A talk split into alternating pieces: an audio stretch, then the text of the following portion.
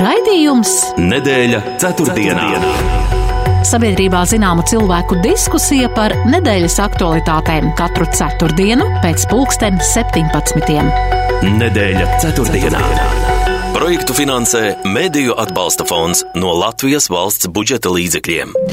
Sveicināti, kurzemes radio klausītāji! Ceturtdienas dienas noslēgums ir klāt, un kurzemes radio šajā laikā kā alaži piedāvā raidījumu nedēļa ceturtdienā par aktuālo pēdējo septiņu dienu laikā. Un aktualitāšu, protams, ir daudz. Latvijā turpinās partiju sarunas jaunās koalīcijas veidošanai. Ministru kabinets gatavojoties darba noslēgumam vēl pārdala un piešķir finansējumu kādiem nesasniegtiem mērķiem.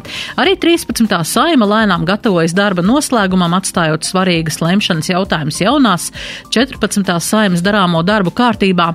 Šajā nedēļā Latvijas banka rīkoja diskusiju procentu likmju celšana rūktas zāles, lai neielaistu infekciju.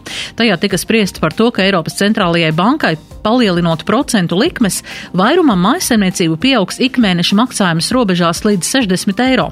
Savukārt šodien iekšlietu ministrs un valsts ugunsdzēsības un glābšanas dienesta vadība rīkoja preses konferenci, kurā tika informēts par mazāk noslogoto ugunsdzēsības depo slēgšanu darbinieku trūkuma dēļ. Bet ir arī, protams, pozitīvi notikumi Latvijā pēdējo dienu laikā, piemēram, pie skatītājiem nonākusi Linda Soltes debijas filma Māsas, bet režisoras Signes Baumanas pilnmetrāžas animācijas filma Mans laulība projekts nominēta Eiropas Kino akadēmijas balvai. Startautisko notikumu fokusā joprojām karš Ukrainā ar jauniem kara noziegumiem plašā Ukrainas teritorijā. Situācija frontes līnijā mainās pa dienām. Ukraiņu armijai apņēmīgi cenšoties deokupēt Krievijas anektētās te teritorijas. Šajā sakarā arī Eiropas valstis strādā pie kritiski svarīgās infrastruktūras un mediju vides aizsardzības, plānojot arī dažādus pasākumus. Notikumi ir daudz, šie ir tikai daži no minētajiem, bet no šiem vēl par dažiem īpašiem mēs šodien uh, padiskutēsim ar raidījuma ekspertiem, un tie ir Latvijas Universitātes sociālo zinātņu vadošais pētnieks Juris Juris Rozenvalds. Labdien! Labdien! Un laikraksta neatkarīgās tukuma ziņas galvenā redaktore Ivona Plaude. Labdien! Labdien!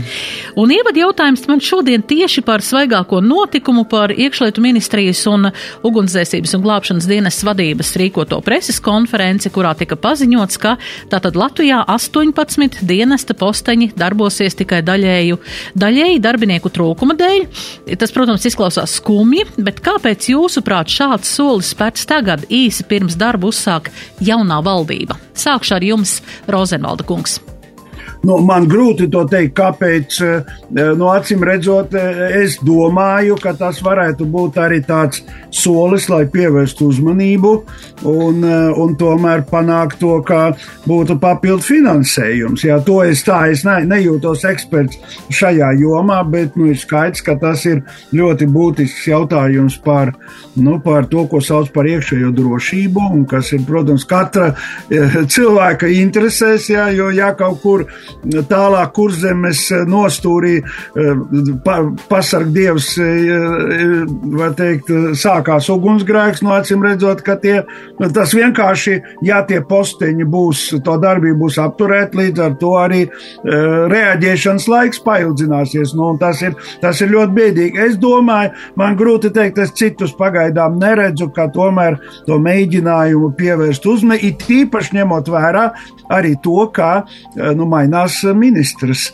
noteikti, e, pa cik e, tomēr e, partija, pie kuras pieder Eklonkungs, kurš pats nāk no, no šī dienas, cik man zināms, jā, nu tad um, tie vairs nebūs attīstībai pārvairs nebūs valdībā noteikti un nebūs saimā. Ja? Līdz ar to varbūt tas ir tāds mēģinājums, grūti teikt. Jā, Ivona, kā jūs domājat? Nu, pirmajā gadījumā es, es šo jautājumu sadalītu trijās daļās. Tātad pirmais tiešām uzskata, ka tā ir partijas, politiskās partijas un arī ugunsdzēsības dienesta, kur tiešām Eklāna kungs nāk no šī dienesta vadības tāds politiskās taktikas jautājums, jo tiešām ir īstais brīdis vēl kaut ko mēģināt pārdalīt par labu un runāt par iekšējo drošību, tā kā ugunsdzēsības dienestam arī ir visas šīs civilās aizsardzības funkcijas ir uzticētas. Tad, protams, ka tas ir īstais brīdis un pēdējais brīdis par to runāt. Bet te mēs varam arī ļoti skaidri redzēt, ka šī ir smagi gadiem ielaista. Gribētu teikt, ka pat visus neatkarības gadus ielaista prob problēma. Un pirmkārt, tas ir gan e, šis te materiāli tehniskais nodrošinājums, kā redzam ar civilās aizsardzības likumu, kā neviena no šīm darbībām, kad vajadzēja tās iedarbināt, nestrādāja. Un patiesībā arī šobrīd nestrādā sistēma, kuru uh, papildus izveidoja tāpēc, lai, nu, lai bēgļiem palīdzētu. Atcerieties, kad bija šī sistēma, ka lūk caur visu palīdzību iešot un visu organizēšot šīs ugunsdzēsības un glābšanas dienests, un kad mēs konstatējam uz vietām, mēs to redzam un ļoti labi redzam arī redakcijās, kur par to regulāri rakstām, kā nekādi šo darbu nemazākā mērā ugunsdzēsības dienests, ja nu varbūt Rīgā kaut kur, kaut kur atsevišķi pieaicināts, bet patiesībā tas ir tikai tāds starposms visu smago darbu biznesa pašvaldības un varbūt kādi citi valsts dienas, bet katrā gadījumā tā noteikti nebija ugunsdzēsības dienests. Un gadiem ilgā problēma ir tāda, ka mazliet arī nu, tādu objektīvu, jo atcerieties padomu laikos, kas tad strādāja šeit ugunsdzēsības dienestā, cilvēki stipri, galveni stipri puiši, kuriem bija cits darbiņš un vajadzēja kādu papildu darbu oficiālu, jo, ja nestrādāja valsts darbu, tad skaitījās cilvēks liekēdis, un lai šo te piepeļņas darbu piesaku, tad stiprie puiši gāja strādāt ugunsdzēsējos, kur tā teikt, viņam pēc tam pēc vienas dežūras bija trīs brīvas dienas, kurā varēja darīt kādas citas, tā teikt, nodarboties ar haltūrām, kā toreiz teica, un ar citu uh, tobrīd neatļautu uzņēmēju darbību. Un šī sistēma patiesībā nav uh, lausta, viņa šobrīd ir, un daudz lielākas prasības, uh, milzīgas prasības ar šim dienestam, un šiem darbiniekiem ir milzīga atbildība, bet nav neatbilstošas sagatavotības, ne šo cilvēku atalgojums. Es domāju, pirmkārt, tas ir stāsts par konkurētspējīgu atalgojumu, kura dēļ arī būtu, nu, arī trūks šo darbinieku. Tas, to pašu varam teikt arī par policijas darbiniekiem, ja daudz ātrāk būtu padomāts par atalgojumu un arī par, nu, teiksim, mums nav tāda kārtīga apdrošināšana, piemēram, ja mēs salīdzinām ar, ar citām valstīm, ir arī iespēja saņemt šos te atbalsta šiem dienestiem, visiem ir atbalsta kredīti, nu, mājokļu iegādēm un bērnu izglītībām, tam līdzīgi mums šī atbalsta sistēma principā darbiniekiem nav izveidot, līdz ar to nav jābrīnās, ka šo darbinieku katastrofāli trūkst un trūkst arī policijas dienestā. Un, un trešā lieta paliek šī te tīri tehnoloģiskās lietas mums ir nepabeigti, neuzbūvēti, neatbilstoši šie te depo, kuros nevar iekļūt jaunās mašīnas. Ar to mēs saskārāmies arī savā novadā, savā pilsētā, kur mašīna jaunā bija piešķirt šīs te trepes kāpnes augstās. Viņas ir daudz augstākas nekā kādreizēja izbūvēto depo durvis. Tukuma mašīna dzīvoja Dobelē vai Jelgavā kā nu kuro brīdi, kā tad faktiski viņi reāli nebija izmantojami 4-5 gadus. Un līdzīgi arī šīs te lietas saimnieciskās, tehnoloģiskās, nu, tas var tika, tikai teikt, manuprāt, ka pie iekšlietu ministrijas, tad, kad izveidoja šo te jaunu administratīvo struktūru, kas pārvaldīja tehnoloģiskās, nu, tehniskās un arī būvlietas, mm, ka tā kaut kā tās lietas sāk iet daudz lēnāk, daudz vājāk, un arī valsts nekustamie īpašumi tik aktīvi negribēja darboties. Nu, mēs tukumā gaidām savu iecirgu, kurā policisti sēž vecā 19. gadsimta beigās būvētā cietuma ēkā, kultūra uh, celtnē, kur paši, veid, paši taisa remontu, paši pērk dežūra daļai durvis, uh, paši mēģina kaut kur sarunāt jumts, lai akmeņi nekrīt uz galvas. Nu, šis, šis process jau iet desmitiem gadu. Tā, kā, tā ir tāda liela negribēšana neredzēšana. Droši vien jākliedz gan policistiem, gan nu, patiesībā mums visiem par to būtu jādomā, jo civila aizsardzība, jā, tā ir, tā ir valsts drošības, iekšējā drošība un katra cilvēka drošības jautājums šobrīd. Jā, nu, izklausās, ka tiešām Eklona kungs ir parūpējis par to, lai tiešām viņam aizejot, tomēr šī problēma paliktu redzama un dienas kārtībā jaunajam ministru kabinetam, kā jums šķiet? Nu, es teicu, tas ir taktikas jautājums. Viņš taktikas ļoti pareizi taktis, taktiski rīkojās īstais brīdis, kad to prasīt, mm -hmm. bet mhm. to, ka nav redzēts līdz šim. Un, nu, es ceru, ka, es, ka man izdevās iezīmēt, cik šīs problēmas mm. dziļums kāds ir. Par to sistēmiski, manuprāt, nav domāts gadu desmitiem, ne tik vien gadiem. Jā, es atceros, ka 13. saime, kad tika ievēlēta, bija iekšliet ministrs Sandis Ģirģenis un bija runa par šiem skaistajiem projektiem. Tie tieši šī, šī struktūrai, kur ir glābšanas dienests, policijas postenis un viss pārējais. Kaut kā laikam tas viss kaut kā pačibēja kaut kādās atvilknēs palikās saka vai kur. Rozena. Es domāju, īsti nav labi, ka tik nezinošs cilvēks, nu, kāds, manuprāt, bija ģirģena kungs, nes sistēmā, nu, teiksim, nevar salīdzināt ar Golubevas kundzi, kurai ir. A, a, augsta akadēmiskā izglītība un kas ir, uh, ir pētniec, kas ir pievērsusies dažādām sistēmiskām lietām, attiecīgi var kādai nozarei pieķerties, bet tomēr cilvēks no malas uz gadu ar populistisku skatījumu uz lietām droši vien, ka tikai varēja vairāk kaut ko sajaukt un izjaukt, nevis kaut ko palīdzēt. Jā, Rozenvald kungs, vai jums ir kaut kas piebilstams pie šī? Jā, bet es domāju, ka es piekrītu tam, es, kas tika teikts, bet es gribētu atzīmēt, ka uh, šajā kontekstā ir tāds arī viens simbolisks eh, jautājums. Mēs pašreiz runājam par tām nu, kliedzošām problēmām ar eh, ugunsdzēsības eh, un glābšanas dienestu, un tā pašā laikā valsts augstākās amatpersonas pašas sevi apdāvina. Es domāju, ka par to naudu tur varētu kādus dažus posteņus saglabāt, jau manuprāt, tas nav pat tik daudz jautājums par naudu. Tas ir jautājums par ar simbolisku nozīmi, jo tad, kad tiek runāts par citām nozarēm, eh, to mēs arī savā nozarē esam dzirdējuši. Nu, parādiet sasniegumus, tad nauda. Tas ir, tie ir Ašrādena kunga vārdi. Es gribētu zināt, kādi sasniegumi pašreiz parādās tām amatpersonām, kas pašas sev paaugstina pa uz pusi algas. Es domāju, ka man nav žēl tās naudas principā, bet es domāju, ka tas bija ļoti nepārdomāts solis, ņemot vērā visas tās problēmas, ar kurām mēs pašreiz sastopamies. Jā, maz reklāmas pauzīt, un mēs turpināsim par valsts drošību. Nedēļa ceturtdienā. ceturtdienā.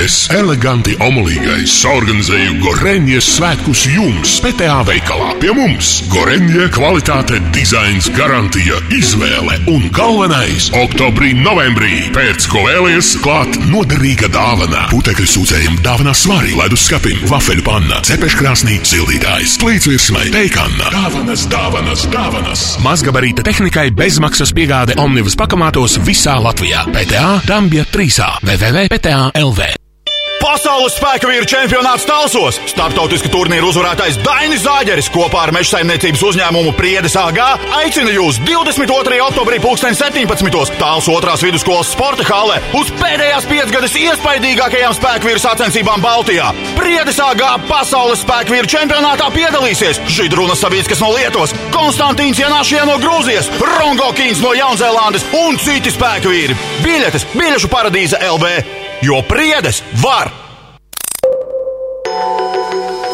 Nedēļa ceturtdienā. ceturtdienā. Mēs turpinām raidījumu nedēļu ceturtdienā. Šodien studijas viesi Juris Rozenvalds un Ivona Plaude.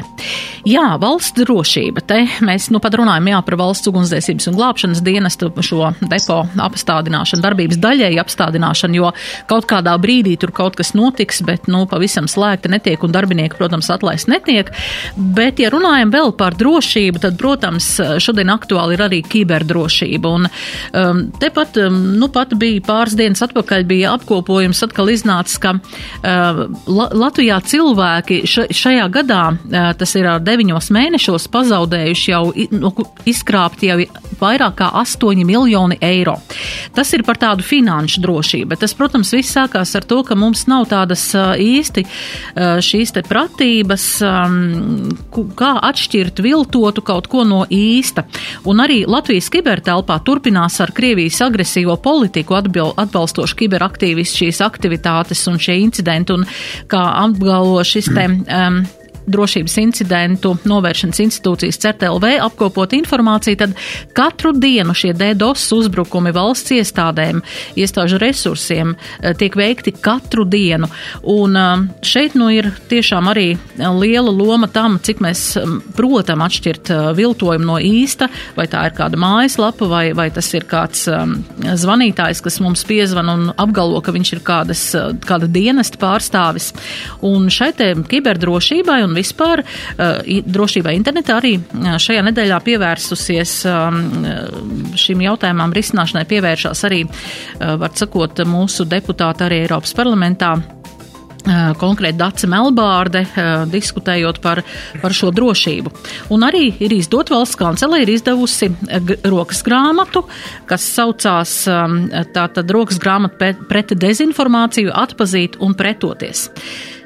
Tas viss ir pieejams un viss ir skatāms un klausāms, bet cik šodien vispār sabiedrība, kā jūs vērtējat sabiedrību Latvijā, cik mēs esam zinoši un vispār um, mākam sevi pasargāt no dezinformācijas? Ivona, varbūt jūs varētu sākt šoreiz. Ai, man atkal jārunā par divām, divām atšķirīgām lietām, jo tas, par ko runā CERT, LV, tas vairāk ir šīs te tehnoloģija lietas un tīri tehniski, ar ko mēs saskaramies. Bet jūs minētais izdevums runā par dezinformāciju, tātad par šo saturisko pusi, par jā. informācijas uzticamību, jā, par saturu vairāk. Tātad viena lieta ir tās tehnoloģijas, vai mēs, protams, ar viņām rīkoties, vai mēs atšķiram šos te pielikumus pie dokumentiem, ka tie nav nākuši no Latvijas un ka tie nav Latvijas dokumenti un neatiecas uz mums un kurus mēs tos neprotam atvērt vai protam atvērt. Šī ir tā, nu, par ko mēs runājam, par datoru, par, par šo te datoru, par zināšanu, par tehnoloģiju zināšanām, ko droši vien apgūst skolā un ko katru gadu iznāk pētījums un jāsaka tā, nu, nedrīkst teikt droši vien paldies Covid situācijai, bet šī, šajā ziņā mums, kā rāda pētījums, starptautiskie zināšanas ir ārkārtīgi uzlabojušās, jo vēl 20. gadā pētījums par Latvijas šo te Katru gadu Eiropas komisija šādu pētījumu veids par to, kādas tad mums ir šīs datoru zināšanas un vai mēs, protams, viņas pielietot, tad 20. gadā bija gaužām bēdīga situācija un mēs šķiet, ka pat mēs žurnālisti bijām šokēti par to, ka izrādās, ka 56% no Latvijas iedzīvotājiem no 17 līdz 70 gadiem faktiski viņam šādu pamatzināšanu uh, šo te datortehnoloģiju izmantojumā, pielietojumā nemaz nav. Jo arī tiem, kam savukārt ir, tātad viņi nemāk, nemaz šīs pamatzināšanas nav. Un otrs arī, ka pat tiem, kam jau būtu, ja viņi arī ir iemācījušies kaut ko, tad viņiem lūk nav šīs te pieejamības. Nav datora, nav, nav interneta pieslēguma, tas ir pārāk dārgs eh, tad varētu teikt, ka par 20% ir uzlabojumi tagad tieši Covid laika dēļ, jo tehnoloģijas skolēniem tika izdalīts, attiecīgi arī mājnieku tās apguva, un šis attālinātais darbs arī mums, eh, es domāju, ka šajā situācijā noteikti vajadzētu uzlaboties. Par šīm trīs, eh, trīs veida krāpšanas, krāpšanas variantiem, tātad pikšķerēšana, dažādu ēpastu sūtīšana un naudas izkrāpšana, jā, tas viss ir viens no melnā biznesa veidiem, viens nu, no, no šiem te kibernozieguma veidiem, par kuriem mūs informē pietiekami labi, manuprāt, šīs tiesības sargāšanas sargājošās iestādes, tas, ko mēs mēdī varam dabūt, darīt un varbūt arī skolās eh, tīri, manuprāt, praktiski mums būtu jāparāda, kā tas izskatās. Šodien arī saņēmām redakcijā divus ēpastus, kā tas izskatās, lai cilvēks skaidri var redzēt, kā tas ir.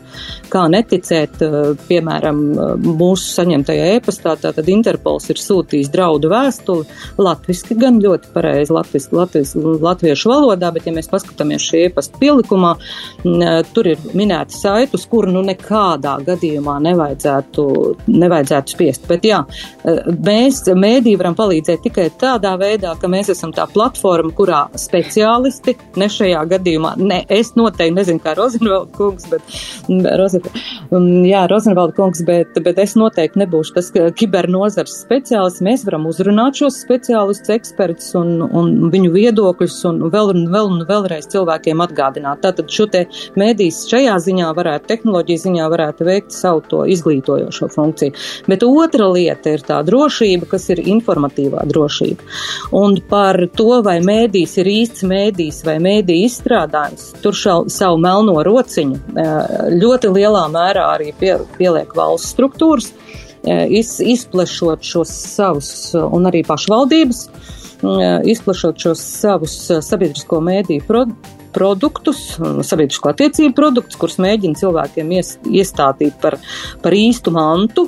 Tātad būtībā šīs te pašvaldībā avīzītes, dažādu resoru avīzītes, televīziju raidījumu, ko ir sagatavojuši resori, kur viņi neatsauc to, ka tas ir apmaksāts produkts īpaši. Attiecīgi, tas jau ir tas, kas veido to vides um, pieduļķo mūsu informatīvo telpu, mūsu vidi, un beigu beigās mēs neatšķiram, kas tad ir tas īstais mēdījis, kas ir mēdījis strādājums. Nu, arī ar krējumu ir jābūt uzraksts virsū, ka tas ir krējuma izstrādājums, jo gluži tā ar pirkstu uh, pamēģinot un palaizot ar krējumu laizi, diez vai mēs sapratīsim šo te atšķirību, ja mums nebūs, nebūs uzlikt šī te atšķirība. Bet, bet redziet, mēdīju jomā tas ir pilnīgi atļauts mūsu pašvaldības informatīvie izdevumi, kas ir propagandas izdevums, kas ir sabiedrisko attiecību produkts, joprojām saucas avīzītes, joprojām cilvēkiem tiek duļķots prāts, un tad kā tad, lai viņš uzticas? Kā lai viņš zina, kurš ir tas uzticamais mēdījis, kur nav tikai vienas to brīdi valdošā politiskā spēka, tā teikt, tāds, nu, spalviņu spodrināšanas raksts ir ierakstīts, vai tas tomēr ir, ir tāds uh, produkts ar kritiskā domāšanas devu, ar žurnālistu veidotu, kur ir arī visi žurnālistikas pamatprincipi ir ievēroti. Tātad šis te mm, daudzveidība viedokļu, dažādi viedokļi un arī redakcionālā neatkarība un arī tāds, zināms, ne, neitrālais skatījums uz lietām un nosacījumiem. Protams, ka to no, pašu, no šiem te gan pašvaldības izdevumiem, gan vispār no sabiedriskās attiecības produktiem mēs taču gaidīt nevaram. Un šādā veidā, um, īpaši Latvijā, tas ir, um, nu, mēs tā, tā redzam ar kolēģiem arī no citām valstīm runājam, tomēr citviet nav tā pieļauts kā mums, kā mums gadu, gadiem ilgi, nu, par pašvaldības lietām. Mēs kā sabiedriskās organizācijas pārstāv gan žurnālistu asociācijā esmu darbojusies, gan šobrīd vadu Latvijas reģionālo mēdīju organizāciju organizācija, un mēs redzam, ka tas ir ļoti, ļoti smags jautājums jau arī desmit gadu garumā jo īpaši tas sācinājās tad, kad bija iepriekšējā pašvaldība reforma, kuru pēkšņi mums 30, iepriekšējo 30 pašvaldību, tā, tā saucamo avīzīšu vietā parādījās 105 un pat 115, un nemaz nerunāsim par to, cik daudz publisko līdzekļu uh, šādu te prātu dullināšanai un informatīvās telpas jaukšanai, un arī šī te mēdīju tirgus kropļošanai, cik daudz līdzekļu mūsu pašu līdzekļu, nodokļu maksātāju līdzekļu netika ieguldīts. Jā, Rozenvald kungs, kā jūs varētu jā, šo arī komentēt par Mēdīju nu, es tik tiešām es arī nejūtos um, uh, eksperts digitālajās lietās, bet uh, saistībā ar to, ar ko jūs iesākāt. Tas ir par to, cik naudas ir izkrāpts. Nu, tas, protams, nav tikai to falsifikātoru jautājums, bet tas ir jautājums arī par to cilvēku gatavību uh, um, gatavību uzticēties, ja, un pēc tam zaudēt savu grūti, suri grūti nopelnīto uh, naudiņu. Ja. Un šajā ziņā, protams, tas ir jautājums gan par mediju pratību, gan, sapcīt, arī jautājums par Eh, nu, par, eh, par turību, par to, ka cilvēks, no acīm redzot, cilvēks, kurš ir, kurš ir, kurš ir pietiekami turīgs, no nu, lielākoties tā ma mazāk varbūtība, ka viņš uzķersies uz solījumiem, ka nu, jūs varat tulīt, neko īpaši nedarot, ieguldīt mazliet naudiņas, cik nu jums tā, kas saka, ka tautā saka, zārka naudas ir, jā, nu tad arī kaut ko dabūt atpakaļ, jā. Līdz ar to tas ir jautājums arī par, nu, par to cilvēku uzticēšanos, kas šādā veidā cer uzlabot savu finansiālo stāvokli. Jā, tas, ir, tas ir viens. Cits jautājums ir, protams, jautājums par to dezinformāciju, kas nāk jau kā organizētā, un starp citu man ir arī šeit tika eh, pieminēts par eh, par to grāmatu, ko izdeva valsts eh, kancelēja sakarā. Man ir prieks par to teikt, ka, ka, ka šīs grāmatas autori ir tieši mūsu sociāla zinātņu fakultātes politikas zinātnes doktora studiju programmas abi, kas saka, absolventi līdz ar to, kas saka, tomēr šeit ir arī augstskolas ieguldījumi šajā procesā. Jā, bet šeit, protams, tas ir jautājums arī par to, lai tiktu attīstīta, nu tā var teikt, sistēma, kas eh, nu, vairāk vai mazāk piedāvā, es pilnīgi piekrītu Plaudas kundzei, alternatīvas viedokļus. Tā pašā laikā es no savas puses, ņemot vērā to, ka es nedzīvoju vairs Rīgā, es dzīvoju eh, Limbažu novadā.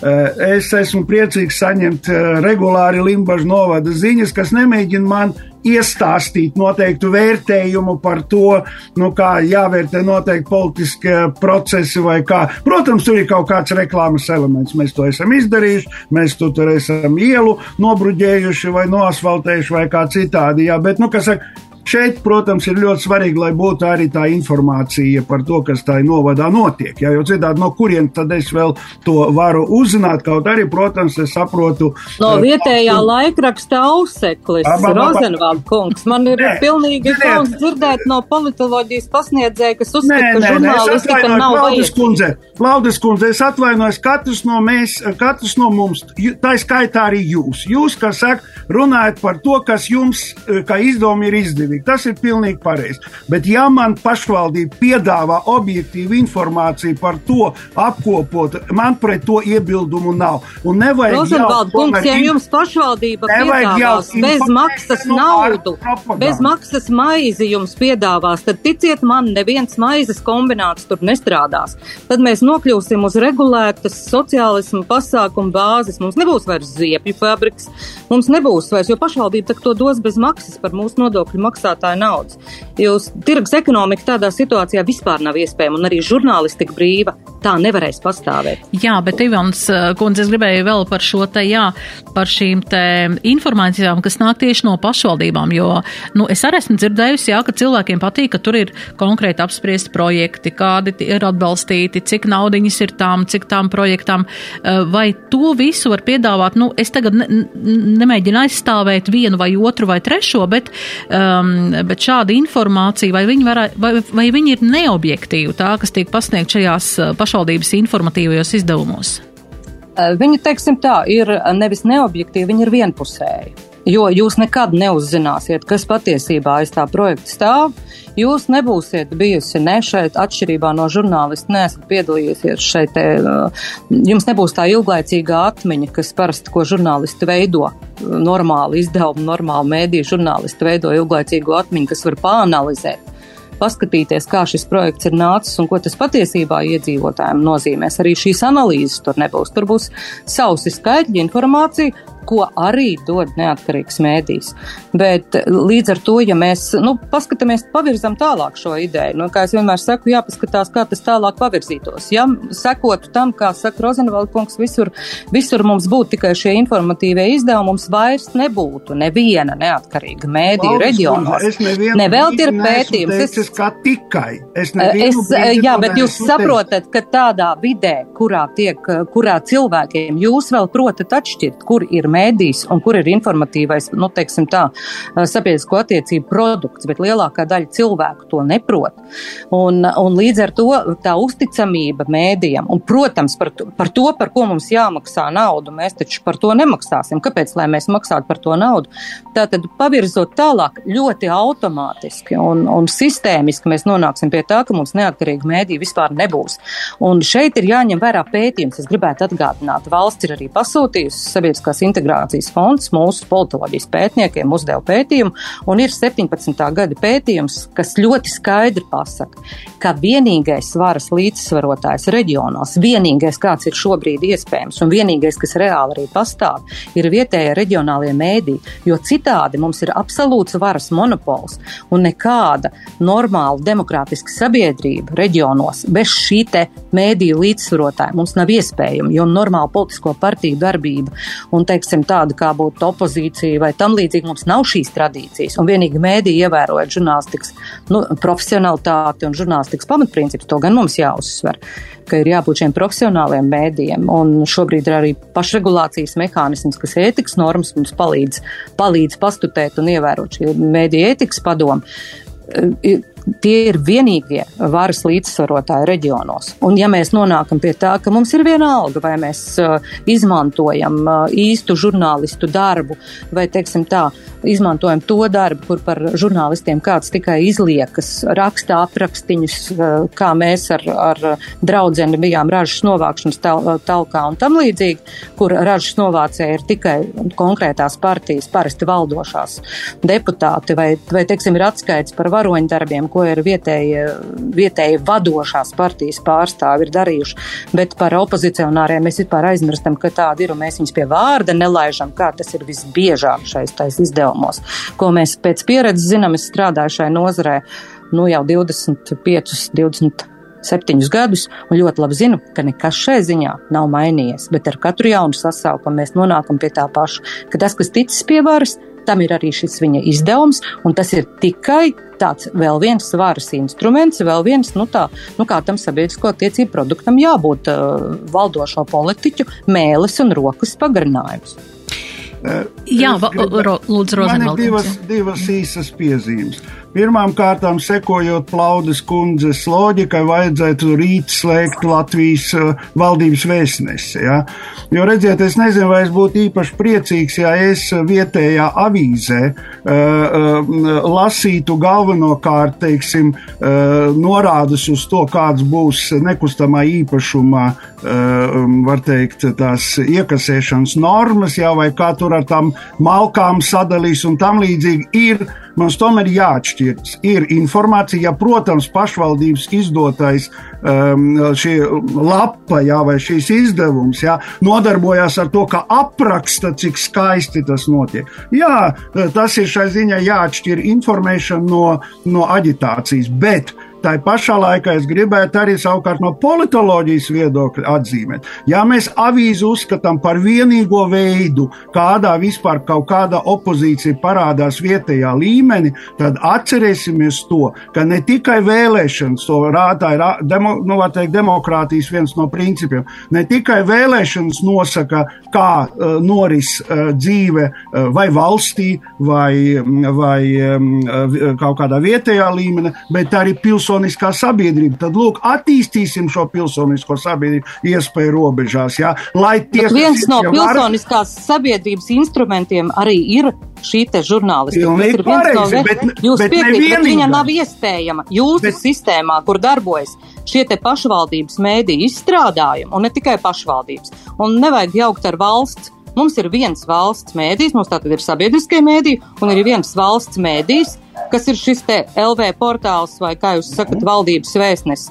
Un tur ir uh, ievērota informācija un visi principi, un ar to mēs arī visi rēķināmies, ka tas ir valdības valsts oficios, kurā mēs tiešām varam nepastarpināt iegūt informāciju. Jā. Un tur nav šīs te žurnālistikas uh, nu, imitācijas. Jā, ja? Rozenvalds vai jūs vēlējās, vēlējāties vēl pabeigt teikumu? Jā, es gribu pabeigt, es gribu teikt, ka tomēr Plauts kungs šajā gadījumā jāatšķir no tā, ka tiek atbalstīti no t, uh, šie vietējie informācijas, nu, kas saka, šī vietējā prese, ja? no tā, ka mēs vienkārši uh, veidojam zināmu garantētu protekciju. Tās ir tomēr divas atšķirīgas lietas. Jā, mēs aiziesim mazā reklāmas pauzītē, bet šo tēmu vēl noslēdzam noslēdzot, ir tāda ziņa, ka Eiropas parlamenta budžetā šajā periodā pirmo reizi ir arī paredzēts mērķēts finansējums tieši ziņu mēdījiem un mēdīju pratībai, un tā kā šis te uzmanība šim informatīvajai telpai tiek pievērsta, lai tā tiktu stiprināta un tajā būtu objektīvas un pārbaudītas informācijas, kas neatbilst nekādiem propagandas kanāliem vai propagandas nosaukt viņu kā propagandu, kas varētu kaitēt valstī un mūs, mums pašiem. Jā, maza reklāmas pauzīte un turpināsim ar mūsu Latvijas uh, politikas veidošanos. Sabiedrībā zināma cilvēku diskusija par nedēļas aktualitātēm. Nedēļa ceturtdienā. ceturtdienā. Es eleganti omulīgais organizēju Goreņģijas svētkus jums, PTA veikalā. Pie mums Goreņģija kvalitāte, dizains, garantija, izvēle un galvenais - oktobrī, novembrī. Pēc ko vēlies, klāt noderīga dāvana. Putekļu sūcējiem dāvinā svarī, ledus skapim, vafeļu panna, cepeškrāsnī, sildītājs, plītsvirsmai, teikanna. Dāvanas, dāvanas, dāvanas. Mazgabarīta tehnikai bezmaksas piegāde Omnibus pakamātos visā Latvijā. PTA Dambja 3. www.pta.lv. Pasaules spēka vīru čempionāts Talsos. Startautiski turnīru uzvarētājs Dainis Zāģeris kopā ar meža saimniecības uzņēmumu Priedes AG aicina jūs 22. oktobrī 2017. Tāls otrās vidusskolas sporta hālē uz pēdējās piecgades iespaidīgākajām spēku vīru sacensībām Baltijā. Priedes AG pasaules spēka vīru čempionātā piedalīsies Židruna Savīskas no Lietuvas, Konstantīns Janāšie no Grūzijas, Rongo Kīns no Jaunzēlandes un citi spēku vīri. Biļetes Biļešu paradīze LV jo priedes var! Nedēļa ceturtdienā. ceturtdienā. Ivona Plaude un Juris Rozenvalds šodien raidījuma viesi un runājam jā, par mēdīju vīdi, par šiem apdraudējumiem informatīvai telpai. Bet tagad parunāsim par to, kāda apdraudējuma mums varētu būt, vai tieši otrādi mēs varētu bez apdraudējumiem dzīvot nākamos četrus gadus, jo šobrīd aktīvi notiek sarunas par jaunās koalīcijas veidošanos. Un tātad um, 24. oktobrī tātad būs gaidāmā tikšanās valsts prezidentam ar ministru prezidentu šobrīdējo un arī potenciālo Krišjānu Kariņu, un tad varai, varēsim arī skaidrāk redzēt, kā tālāk notiek šī koalīcijas veidošanās un kā arī šīs sarunas. Līdz šim, kas ir pieredzēts, varbūt arī tāds jūsu ieskats, jūsu skatu punkts uz šo te um, koalīcijas veidošanu, trīs vai četri politiskie spēki, viņu viedokļi, viņu saticība vai nesaticība. Rozenvalda kungs, došu jums vārdu pirmajam. Nē, nu, eh, es domāju, ka šajā sakarā var teikt, ka līdz šim, nu, jāsaka, diemžēl, eh, tas galvenais strīds bija vai trīs vai četri. Un, eh, un, un šis strīds ir pēc būtības ir strīds par to, un es domāju, ka ir saprotama jaunās vienotības ieinteresētība, jo Viņi skatās uz iespēju piesaistīt progresīvos, kas, manuprāt, aizvien skaidrāk un skaidrāk kļūst par tādu nu, var teikt, izsapņotu sapni visdrīzāk, jo, jo apvienotais saraksts un Nacionāla apvienība acīm redzam šajā sakarā ir bloķējušies un saka, nē, nu mums nevajag, mēs gribam. Tas ir jautājums par spēku samēru valdībā. Vai būs gadījums, kad būs tā 20, 26 plus 10, 36 pret 28, vai būs 26 pret 28? Tas ir jautājums. Protams, ir arī jautājums par, par um, ministru posteņu sadalu un tā tālāk, bet pašreiz izskatās, ka strīds ir pirmām kārtām ar to, Un, eh, manuprāt, otrā plānā pagaidām eh, vismaz eh, no ārpuses spriežot, ir palikuši jautājumi par patiešām darāmiem darbiem un to, kas pašreiz ir, ir, ir, ir nepieciešams. Bet nu, mēs jau arī dzirdam, ka uz šo ministru posteņu vairāk tie pretendē, uz to ministru posteņu vairāk tie. No katrā ziņā pašreiz, manuprāt, ir minēti visdažādākie argumenti. Nu, man visamizantākais likās Nacionālās apvienības arguments izteikts, es vairs neatceros, vai Dombušovu vai kur, nu ko, tad jūs progresīvi ir jauns politiskais spēks, mēs vēl nezinām, kas no visa tā iznāk, un turpat blakus sēž apvienotā saraksta pārstāv, kur ir no vairākām partijām sadrāklējuši pavisam nesen šādu veidojumu, kura perspektīvas, nu, to, kas notiek šī veidojuma iekšpusē, mēs pagaidām īsti E, nezinām. Ja? Nu, redzēsim, bet man liekas, es, protams, neesmu gatavs savu, savu kas saka, cepuru apēst, ja, hūti apēst, bet, ja būs citādi, bet man liekas, ka visdrīzāk tomēr būs trīs partiju koalīcija, jaunā vienota jaunā vienotība, apvienotais saraksts un Nacionālā apvienība. Nu, redzēsim, man tā liekas, ka šajā ziņā tas ir um, nu, tāds zināms pagrieziens uz tādu vairāk tādu nacionālu konservatīvo pusi, vismaz pēc šo sarakstu, teiksim, tādiem pieteikumiem, ja?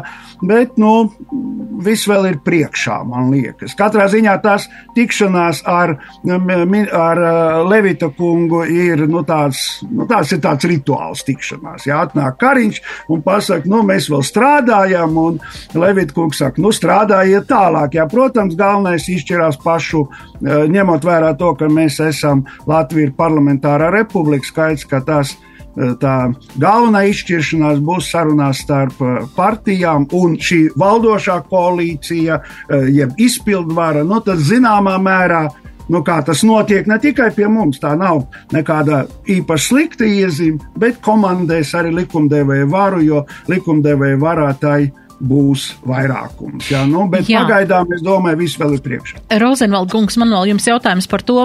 Mēs zinām, apvienotais saraksts jāsastāv no trim partijām.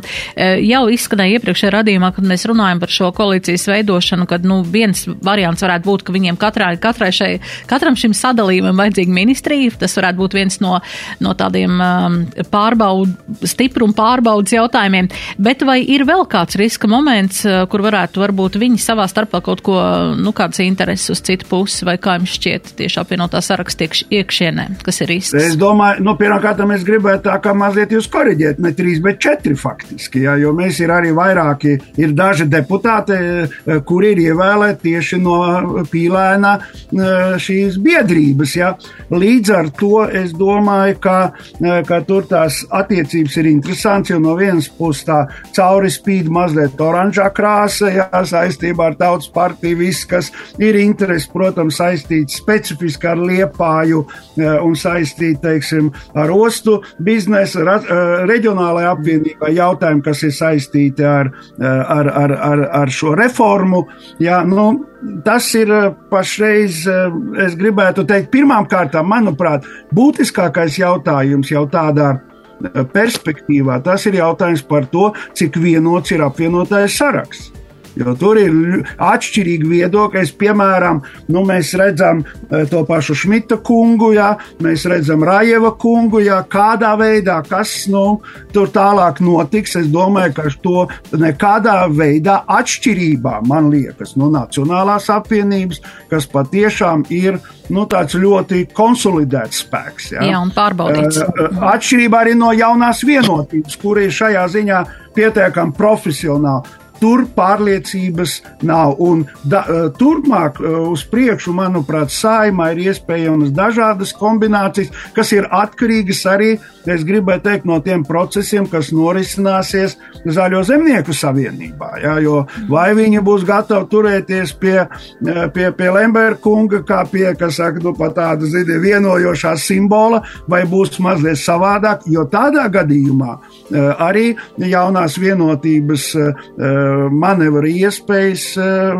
manuprāt, eh, paplašinās. Bet, protams, Es domāju, ka tas nav tuvākā laika jautājums. Pagaidām jautājums ir par valdības veidošanu. Jā, Ivona, vai jūs jā. varētu trīs minūtēs savu viedokli pateikt? Mēģināšu ļoti ātri, jā, jo es domāju, visas šīs garās runas, ko mums arī tagad katru dienu no, mums no politologa stāsta, tur ir stāsts par, par varu un par naudu, ko uh, nekādas ideoloģiskas atšķirības es nevienam te neredzu. Un es domāju, ka gan valdība, gan mūsu valstī, gan nācijai būtu daudz labāk, ja tiešām būtu šie četri spēki apvienojušies un būtu stipra valdības koalīcija un vairāk runāt par darbiem. Tas, kas man liekas bīstami, to, ko mēs redzam tagad, ja būs šī trīs spēku koalīcija. Pirmkārt, mēs jau vairākas reizes redzējām no Nacionālās apvienības, ka viņi ir tādi šantāžisti pēc dabas. Mēs redzējām, ka vairākas reizes arī ļoti valstī bīstamos brīžos, arī šai kara situācijā, tieši nacionāļi bija tie, kas šūpoja valdību, pieprasot dažādas lietas, arī uzstājot uz, uz ministru, uz savu ministru šai ekonomikas ministra amatā, ka noteikti ir jāpaliek no KPVL nākošajam ministram. Un te mēs redzam, ka tur ir tā galvenā interese, kura būs ministrija, un kā mēs redzam, ekonomikas ministrija nāk ar lielu naudu, tie ir šie lielie enerģētiskie projekti. Mēs redzam, kas darās Latvijas mežos zemkopības attīstības ministrijā, un tās ir divas milzīgas intereses, ko mēs redzam, kurā bez jebkādām ideoloģijām šobrīd uh, sēž vai vēlas pārņemt un uzturēt un pieturēt un, un šo te parādi komandēt uh, Nacionāla apvienība.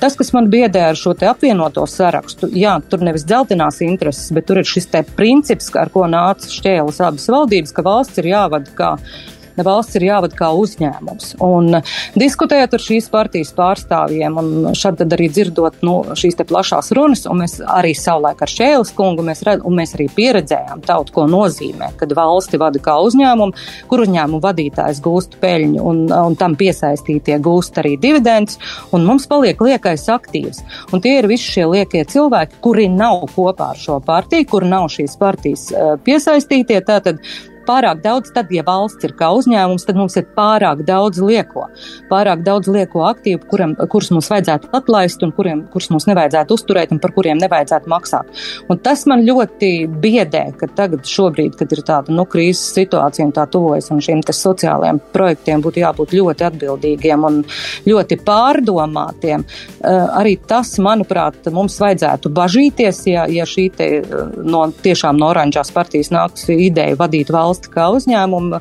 ja tā arī tiktu nonāktu valdībā un caur, nezinu, caur Pīlēnu kungu interesēm vai caur ostu pārvaldības interesēm, šoreiz gan Liepājas ostas, diez vai valsts no tā un arī nācija no tā būtu ieguvēji.